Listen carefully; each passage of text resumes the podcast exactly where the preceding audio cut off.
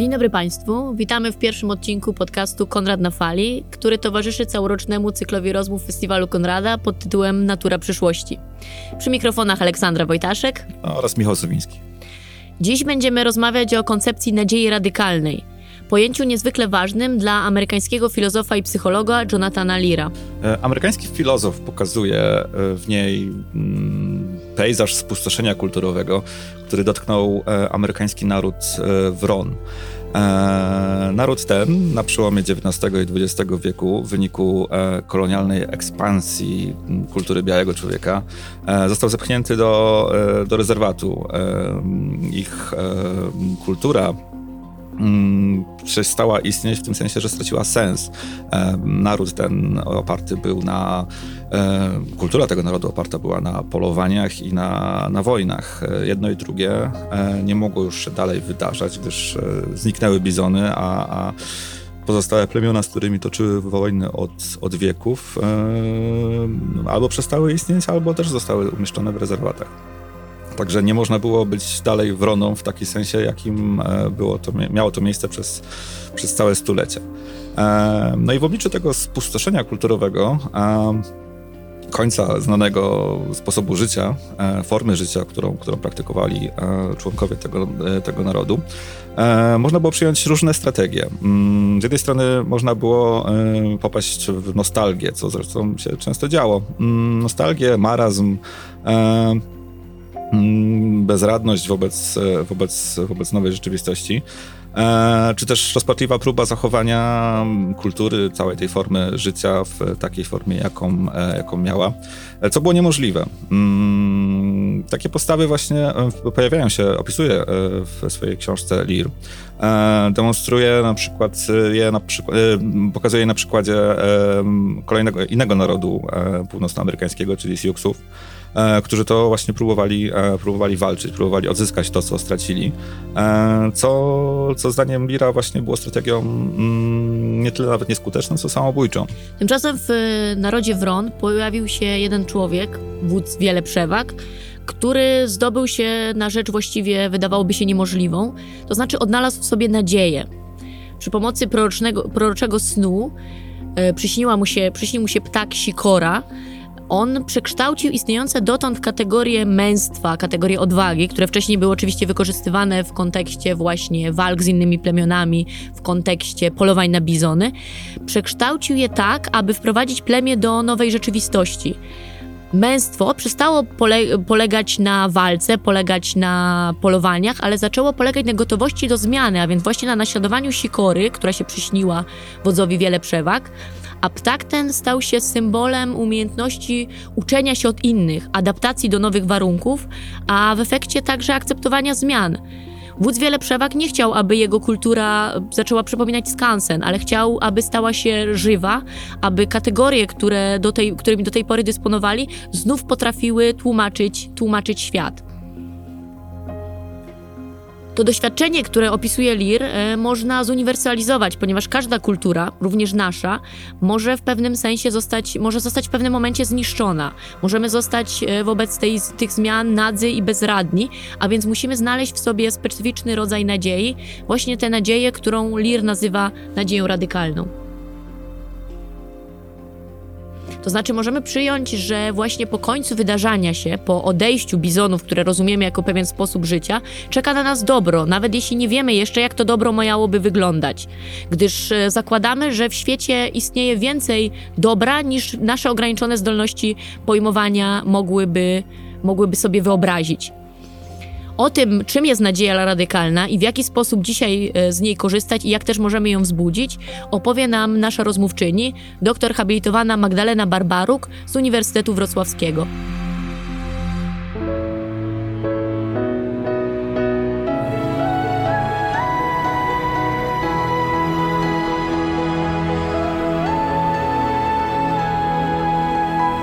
Podcast powszechny. Weź, słuchaj.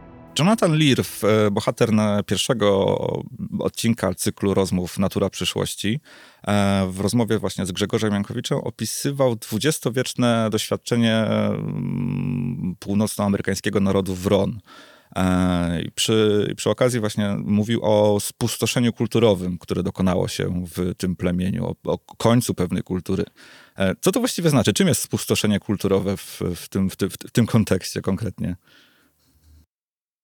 Tutaj może należy poczynić taką uwagę, że Jonathan Lear opisał plemię Wron, natomiast tak naprawdę to nie jest ani praca z antropologii kultury, ani praca z kulturoznawstwa, tylko jest to książka z, z zakresu filozofii kultury. Jonathan Lear ma bardzo skomplikowane wykształcenie, bardzo bogate i unikalne, bo jest jednocześnie filozofem i psychoanalitykiem. Natomiast y, mówiąc, że jest to książka z filozofii kultury, y, podajemy też taki zasadniczy fakt, że nie ma człowieka bez kultury, ale nie ma też kultury bez człowieka. I co, i co zrobić z taką tezą, którą stawia nam Jonathan Lear, że istnieje plemię wron, które przetrwało kres swojej kultury. I dlaczego też to jest filozofia kultury? Ponieważ mówi Lear nam o powinności, o powinności i o uzasadnieniu, jaką możemy, uzasadnieniu nadziei, jaką możemy mieć po okresie naszej kultury. E, a zatem e, jest to książka, książka Jonathana Lira jest książką wybitną i bardzo interesującą, nie tylko dlatego, że pokazuje nam e, fakty, o których zwykle nie myślimy. To znaczy, że żyjemy po okresie kultury, albo że pewne, pewne kultury mogą przetrwać swój kres, ale nie tylko biologicznie, i mogą zbudować się na nowo. I y, natomiast jej, jej wybitność i to, dlaczego poruszyła tak wielu filozofów, humanistów, i pisarzy związana jest właśnie z konceptem nadziei radykalnej, czyli z uzasadnionej nadziei, że właśnie możemy, możemy e, kres kultury przetrwać. I wydaje mi się, że, e, że tutaj e, nie da się z pozycji kulturoznawczych, a ja jestem kulturoznawczynią, mówić o, o dewastacji kultury w sposób empiryczny. To jest taki egzemplum, to jest jakaś pewna baśń, którą Lir nam opowiada, Natomiast, y, natomiast y, jeżeli chodzi o filozofię moralności, to ja znam chyba tylko właściwie taki jeden przykład, który bardzo byłby też y, bliski chyba Lirowi. To jest książka Lizdera McIntyre'a Dziedzictwo cnoty. I on zaczyna tą książkę od takiej od rozdziału niepokojąca sugestia mówi, na mówi tam, że, że właściwie być może jest tak, że żyjemy w świecie, w którym rzeczy przestały się dziać, rzeczy przestały się wydarzać. E, dysponujemy tylko pewnymi nazwami kategorii, które były kiedyś miały pewną gęstość. Na przykład tutaj podaję ten przykład kategorii cnoty, która była bardzo ważna dla Arystotelesa, a, a Lir do niej sięga i próbuje właśnie pokazać e, to, w jaki sposób tą cnotę można przeformułować, rozrzedzić, w jaki sposób można być wciąż mężnym, e, wciąż zachowywać te kategorie arystotelesowskiej cnoty, bo tam było pięć wyraźnych kryteriów tej cnoty, żeby dalej można było być na przykład odważnym, tak jak mężny reprezentant plemienia Wron. Natomiast i, i e, wciąż jakby być w tym zakresie kultury, można powiedzieć starożytnej, filozofii starożytnej, natomiast być zupełnie współczesnym człowiekiem, radzić sobie z tymi problemami, które mamy tu i teraz, I tutaj możemy wrócić do tego, co nas powinno chyba najbardziej interesować, czyli dlaczego jest to książka aktualna. Tak, właśnie, bo e, jeszcze właśnie, mogliśmy jeszcze dwa mhm. słowa, bo mm, doświadczenie, które opisuje właśnie Lir, e, o którym opowiadał, jest doświadczeniem bardzo jednostkowym, w sensie to jest bardzo, bardzo konkretny przykład z konkretnymi elementami kultury. Tam pojawiają się bizony, mm, które znikają, całe to plemię jest nastawione na, cały ten naród jest nastawiony na, no właśnie na, na polowanie i na wojnę i tego już już nie ma i no, dlatego nic się już nie może wydarzyć. Ale jestem ciekaw właśnie, co pani sądzi o, właśnie uniwersalnym charakterze tego doświadczenia, tego zjawiska w ogóle, e, tego podatności kultury w ogóle, jakiejkolwiek kultury tak naprawdę, naszej kultury, każdej kultury na właśnie na, na, na zniknięcie, na, na, na katastrofę, na apokalipsę. Mhm. Znam taką interpretację e, tej książki, która mówi o tym, że jednostkowym przykładem nadziei, nadziei radykalnej i e, związanej właśnie z tym, co po okresie kultury, może być na przykład Hiob. I e, ten tekst jest właściwie takiej postawie apofatycznej w życiu codziennym. Natomiast moim zdaniem tutaj ta filozoficzność jej mówi, że każda osoba może być, jest podatna jako osoby, my jako osoby pragnące, tęskniące, erotyczne, jak mówi Lir, w tym greckim sensie erosa, jesteśmy, pod, każdy z nas jest podatny w każdym momencie właściwie na kres e, sposobu życia. W przypadku Wron było to tyle ciekawe, że Lir nie używa tam w ogóle kategorii sposobu życia, ponieważ tego nie było wielu sposobów życia do wyboru. Oni mieli jedno życie i kiedy przeszli z życia e, opartego, jak Pan mówi, na polowaniu, na osadzaniu laski, laski przewagi do rezerwatu, stali się rolnikami, to właściwie musieli to życie zbudować na nowo. My mamy takie szczęście, e, my jako ludzie nowocześni, że e, właśnie nawet dysponujemy choćby tym pojęciem sposobu życia. Jest wielość tych sposobów, więc e, i tutaj kolejna interpretacja tej książki Charlesa Taylora mówi, my musimy otworzyć się na tą nieokreśloną otwartość, czy skorzystać z niej, ale w sposób mężny, odważny, uzasadniony, prawda? To nie może być rozpłynięcie się w jakiejś globalnej zróżnicowanej tak, ekumenie. Mamy w takim razie różne spos sposoby ponownie. Mamy, możemy z tym kresem kultury radzić sobie na różne sposoby. Możemy się pogrążyć w nostalgii, o czym pisze Lir, ale on wprowadza kategorię nadziei radykalnej, o której pani już wspomniała, ale ja chciałabym, żebyśmy dodefiniowali jeszcze raz tę nadzieję radykalną. Na czym ona miały, miałaby polegać? Dlaczego jest taka radykalna? Dlaczego ona jest radykalna?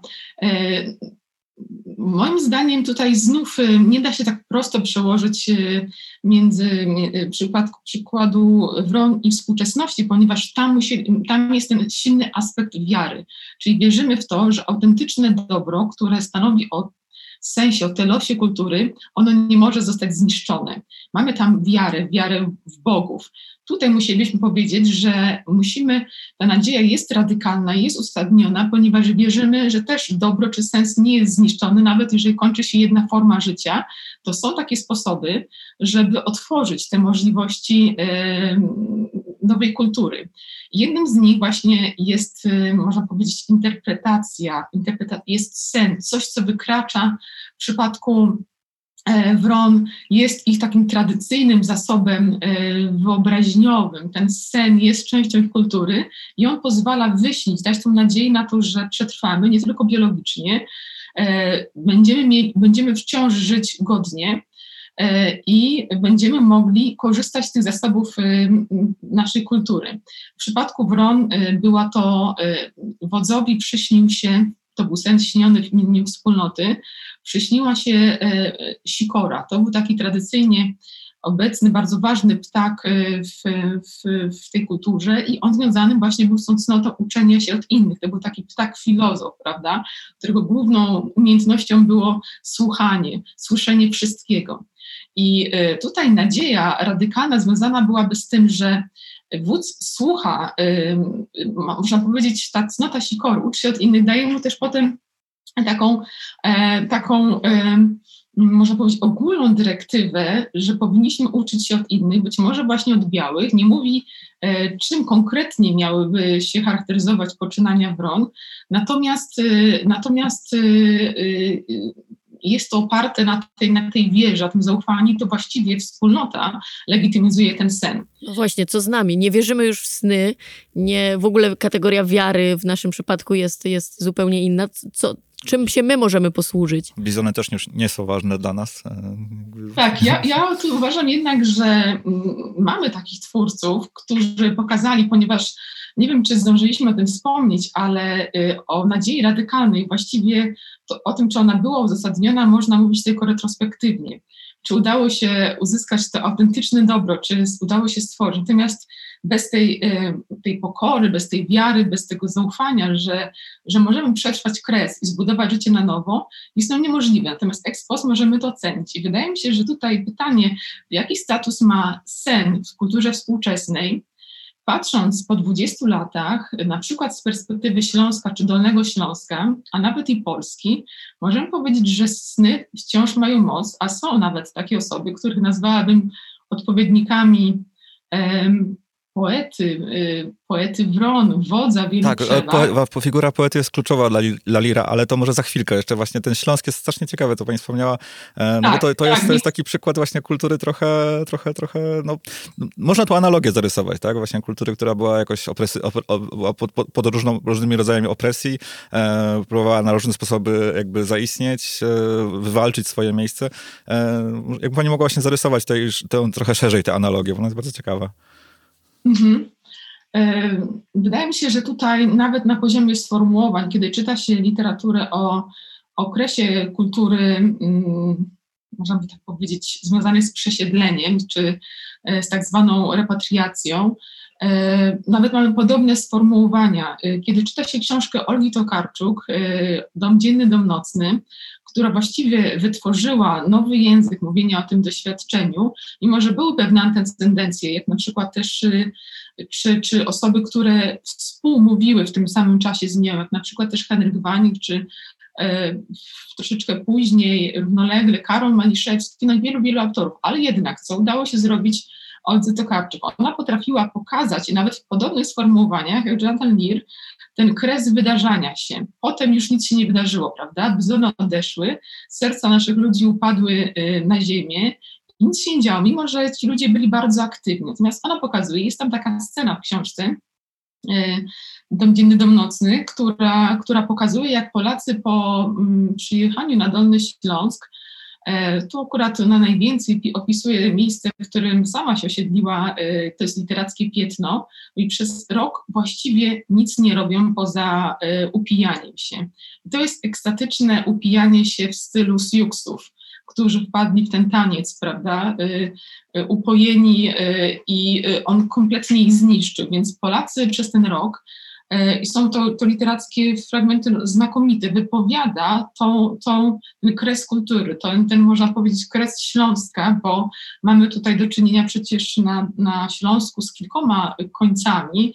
Pierwszy to, y, to możemy też jeszcze wspomnieć, i on będzie ważniejszy przy okazji chyba książki Henryka Wańka, Fini Silesie, że Śląsk jest zabijany przez ideologię hitlerowską, nazistowską, zanieczyszczany, krajobraz jest niszczony, pokazuje to na przykładach fotografii, ale mamy potem właśnie to drugi, drugi kres kultury i to jest y, przyjazd y, nowych mieszkańców, którzy przez pewien moment żyją z Niemcami, natomiast w samej tej książce Dom Dzień, Dom Nocny są znakomite fragmenty, nawet zatytułowane Milczenie, kiedy my mieszkamy z Niemcami i właściwie z nimi milczymy, pracujemy w milczeniu, nie ma w ogóle artykulacji tego, co się dzieje, jest tylko to to właśnie brak pracy, bo przez rok właściwie Polacy y, w tej książce, nie mówię, że to jest y, rzeczywistość jeden do innego, nie pracują, tylko, e, tylko y, pracują Niemcy. Natomiast potem ubierają się jak do pracy, jak już Niemcy wyjeżdżają, natomiast idą na żniwa i wykopują to, co zrodziła ta ziemia. I to jest właściwie opis destrukcji y, kultury y, totalny. Nie ma żadnych narzędzi, żeby, żeby właściwie sobie y, z tym poradzić. I długo to trwa. Dopiero do lat, aż lata 90. właściwie są takim próbą e, przywracania tego języka. No właśnie, bo poeta to jest y, ktoś, kto w tym wypadku zostaje, zostajemy na Śląsku, zostajemy z Olgą Tokarczuk, ale poeta to nie tylko ktoś, kto opisuje koniec pewnej kultury, ale też dostarcza kategorii mówienia o świecie, nowych sposobów opowiadania o świecie. Jak to się w tym kontekście, w kontekście Olgi Tokarczuk, w kontekście Śląska wydarzyło później, kiedy już koniec kultury został opisany? Tak, bo poeta w tym kontekście u Lira nie, jest, nie jest tym, kto układa, układa piękne wersy, tylko jest e, kimś dużo więcej, dużo ważniejszą postacią dla, dla, dla kultury, nie? Może powiedzmy może dwa słowa, kim jest, kim jest Olga Tokarczuk właśnie jako poetka w rozumieniu Jonathana Lira. Tak, tak. Olga Tokarczuk jest poetką, niewątpliwie i odkryłam to też jeszcze mocniej dzięki Lirowi i jest poetką nadziei radykalnej. To widzimy też po tych 20 latach.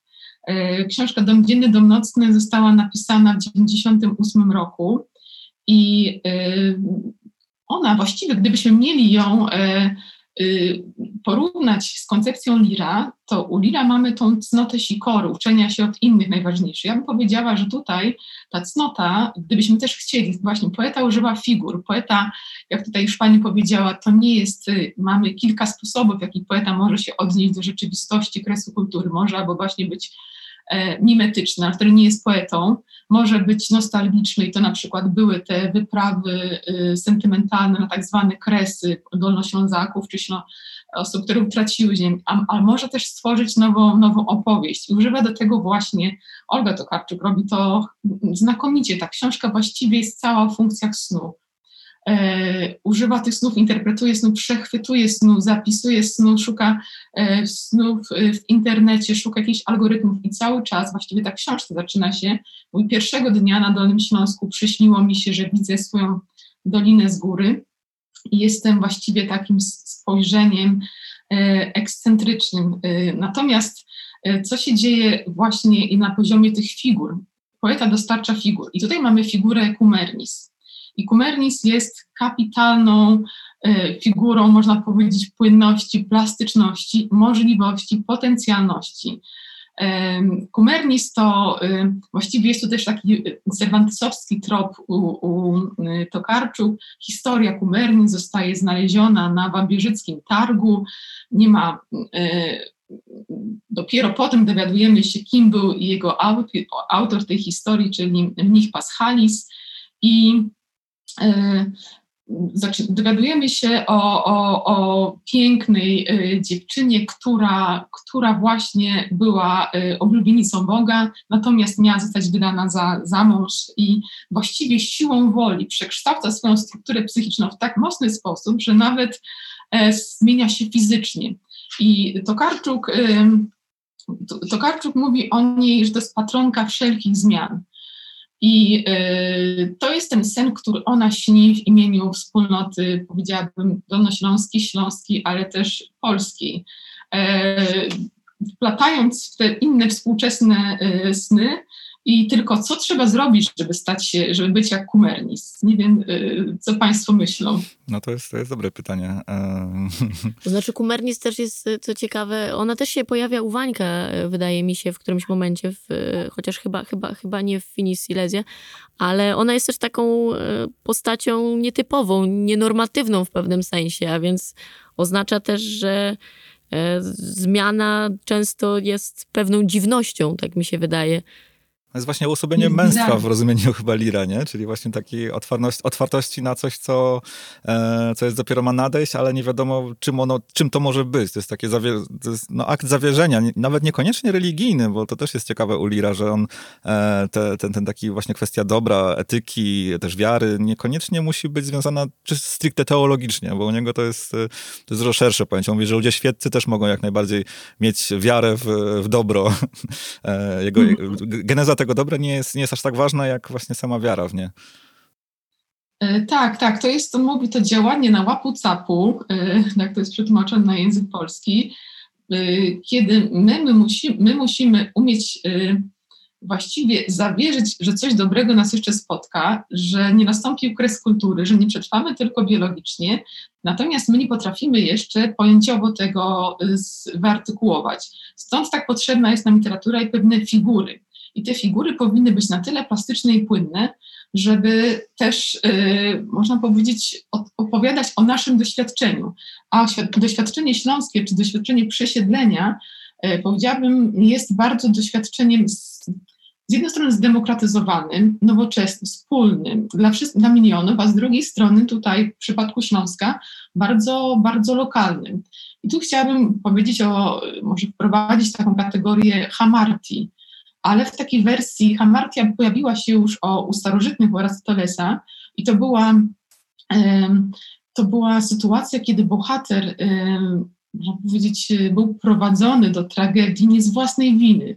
Jego wina nie, nie związana była z tym, że źle wybierał, że mieliśmy tu jakiś e, taki konflikt tragiczny jak Antygony, ale z tego, że on właśnie nie wie, w jakim miejscu jest, że nie wie, kim jest. I potem najpełniej w nowoczesności wypowiedział to doświadczenie Hamarti Rimbaud, mówiąc ja to ktoś inny. I Tokarczuk y, potrafi wypowiedzieć y, w imieniu Dolnoślązaków jestem nie na swoim miejscu. Na przykład mówi o pałacu. Urodziłam się w pałacu, ale nigdy nie mówiłam na nim pałac, tylko budynek. Tak jakby był budynkiem, czymś do zjedzenia. Miałam pałac w środku, natomiast nie, nie wiedziałam, gdzie mieszkam. Tak samo Dolnoślązacy czy Ślązacy. Jesteśmy jesteśmy nie na swoim miejscu, jesteśmy przemieszczeni e, jesteśmy hamartyczni, czujemy jakąś rodzaj tragiczności tego, natomiast nie potrafimy dopiero pogodzenie się, uczynienie z hamartii cnoty, z tego właśnie posiadania kilku tożsamości, bycia płynnym, e, a jest taki też potencjał nawet w filozofii, ponieważ e, właściwie u Kanta można by znaleźć taki rodzaj myślenia o hamartii, że hamartia jest cnotą, bycie wieloma osobami naraz albo prowadzi nas do człowieczeństwa, właśnie to spoglądanie na siebie oczami innego. I, i właśnie ta kumernis, patronka wszelkich zmian, e, je, łączy się nam z taką inną cnotą, e, która jest bardzo ważna i została przecież tak doskonale wypowiedziana przez Tokarczuk po otrzymaniu Nagrody Nobla, czyli tą cnotą czułości. I tutaj może ten fragment, który wydaje mi się bardzo istotny, który odkryłam po 20 latach, który jest właściwie zapowiedzią, prefiguracją najważniejszego fragmentu mowy noblowskiej, kiedy mówi ona o aparacie fotograficznym i o radiu z zielonym okiem. E, jak to się dzieje, że my potrafimy znaleźć te środki, żeby przekształcić siebie? co my musimy zrobić, żeby, żeby autentycznie e, przekształcić tą strukturę psychiczną? Przecież to nie jest tak, że nagle mówimy sobie i siłą wolną stwierdzamy, chcę być inny, chcę być szczęśliwy, nie chcę być tragiczny, nie chcę być pogodzony z sobą albo chcę mieć swoje miejsce. Musimy wykonać tą pracę, która w przypadku Indian Wron polegała na interpretowaniu snów i zawierzeniu imi tej transcendencji y, takiej ugruntowanej mocniej, a w przypadku ludzi nowoczesnych właśnie chyba bardziej na artykułowaniu swojej sytuacji. Więc przeczytam Państwu y, ten krótki fragment, kiedy y, małą Olgę Tokarczuk, podejrzewamy, że jest to właśnie narratorka, jej niania Gertruda Nietzsche prowadzi do innych autochtonów Niemców. U kampów po raz pierwszy zobaczyłam i zapamiętałam siebie. Mogłam mieć wtedy około roku, bo już siedziałam. Musiał przyjść ten sam wędrowny fotograf, który kilka lat potem robił mi zdjęcie w pierwszej klasie. Musiał zachęcić Gertrudę, rozbawić ją, przegadać, bo rozebrała mnie i posadziła na białym futerku, które skwapliwie podrzucił jej zapewne pan Kampa. Pewnie protestowałam krzykiem, bo dano mi do zabawy pokrywkę garnka. I właśnie dotyk tej pokrywki w nagłą skórę brzucha i światło jasnej lampy na stojaku i wycelowane we mnie okno aparatu, ta cała na mnie uskupiona uwaga, sprawiły, że po raz pierwszy w życiu, jeszcze nieudolnie, chwiejnie, niepewnie, stanęłam na zewnątrz siebie i spojrzałam na siebie okiem tego obiektywu, wzrokiem jakimś innym, nie do końca swoim, wzrokiem chłodnym, odległym, obojętnym, który potem równie beznamiętnie będzie notował ruchy mojej ręki, drżenie powieki, duchotę w pokoju i myśli. Wszystkie nawet te niedokończone byle jakie. Ten wzrok miejsce na zewnątrz mnie, z którego patrzę, będzie się pojawiał odtąd coraz częściej, aż w końcu zacznie zmieniać mnie samą, bo stracę pewność, kim jestem, gdzie jest mój środek, punkt, wokół którego porządkuje się wszystko inne. Te same rzeczy będę widziała za każdym razem inaczej. Najpierw pogubię się w tym, przerażę się, będę rozpaczliwie szukać stałości. W końcu uznam, że stałość wprawdzie istnieje, ale jest daleko poza mną, a ja jestem strumieniem, tę rzeczką w nowej rudzie, która raz po raz zmienia kolory i jedyne, co mogę w sobie o sobie powiedzieć, to, że przydarzam się sobie, przepływam przez miejsce, przestrzeni i czasie jestem sumą właściwości tego miejsca i czasu, niczym więcej. Jedyna korzyść, jaka z tego wynika, jest taka, że światy widziane z różnych punktów są różnymi światami. Więc mogę żyć w tylu światach, ile z nich jestem w stanie zobaczyć. I moim zdaniem to jest właśnie to autentyczne dobro e, w wersji Tokarczuk. Możemy żyć w wielu światach naraz, jeśli nauczymy się właśnie tej cnoty kumerys, czy moim zdaniem tutaj ona jest prowadzona do patrzenia, do wyostrzenia i bardzo silnie ta metafora fotograficzna tutaj pracuje. Natomiast kiedy popatrzy się na, na sposób pracy Olgi Tokarczuk, kiedy ona, też można powiedzieć jak Sikora, słuchała innych, przyjechała na Dolny Śląsk w latach 90., kupiła dom i zbierała te różne opowieści, była po prostu absolutnym słyszeniem i Karol Maliszewski to podkreśla, że ona potrafiła te wszystkie powieści podnieść do takiego metajęzyka, że my wreszcie zrozumieliśmy, co my mówimy mówić to jeszcze nie jest artykułować, prawda? Bo artykulacja jednocześnie jest od razu realizacją pewnych wartości.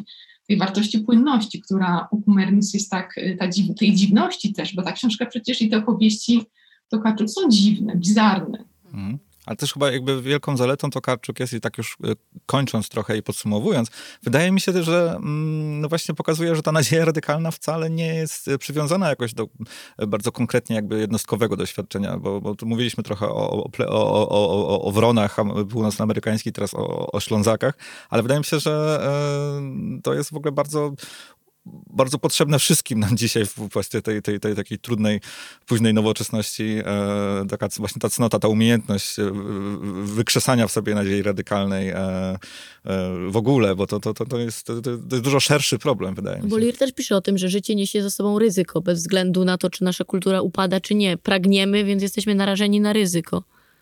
Mhm.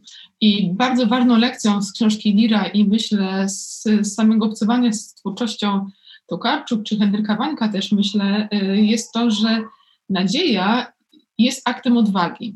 Nie rozpacz, nie y, właśnie mówienie tylko o kresie, ale uzasadniona nadzieja na to, że coś autentycznie dobrego może przyjść, jest aktem odwagi. I tutaj na koniec może, jeżeli już spinami uniwersalizujemy, to chciałabym wspomnieć o późnym dziele, ale y, można powiedzieć kwintesencji stylu tego i, jednocześnie czymś zupełnie nowym, jakim jest monodram, monolog, bardzo krótki film y, Pedra Almodovara, Ludzki Głos. On też jest o, o głosie, o, o tym, że można y, z rozpaczy opowiada on kobiecie porzuconej, która mając tylko głos w słuchawce, można powiedzieć, rozmawiając z tym swoim e, ukochanym mężczyzną, który ją zostawia, E, ona dokonuje takiej transformacji siebie, że nagle to zamknięcie studia, ponieważ film powstawał e, w okolicznościach lockdownu, nie można było, Almodowar nie mógł w swoich świetnych plenerach e, pokazywać bohaterów, tylko umieścił Tilda Swinton w studio i, i ten monodram pokazuje właśnie tą, tą nadzieję, i, i, że można otworzyć te drzwi, wyjść na zewnątrz i co jeszcze więcej, można zmienić formę wypowiadania, czyli Almodowar z tych opowieści o kobietach czyni, e, rezygnuje, pokazuje coś zupełnie nowego i kiedy słucha się jeszcze długiego wywiadu, którego potem e, Mark Kermont e, przeprowadza z, z Almodowarem, słyszymy jak, jak Almodowar jest podekscytowany, że znajduje nową formę, która wiele bardziej go interesuje niż, niż stara. No tak, no to y, musimy sobie chyba wszyscy pożyczyć teraz y, jak najwięcej odwagi i nadziei radykalnej. E, dziękuję bardzo. Bardzo dziękujemy. Dziękuję bardzo. Podcast Konrad na Fali towarzyszy całorocznemu cyklowi rozmów festiwalu Konrada pod tytułem Natura Przyszłości. Organizatorami festiwalu są Miasto Kraków, Krakowskie Biuro Festiwalowe i Fundacja Tygodnika Powszechnego. Partnerami strategicznymi festiwalu Konrada są Allegro i Tygodnik Powszechny. Więcej informacji na temat tegorocznej edycji na www.konradfestival.com oraz Facebooku i Instagramie festiwalu.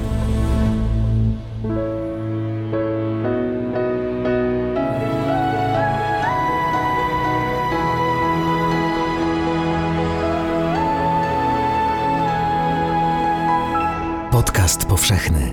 Weź, słuchaj.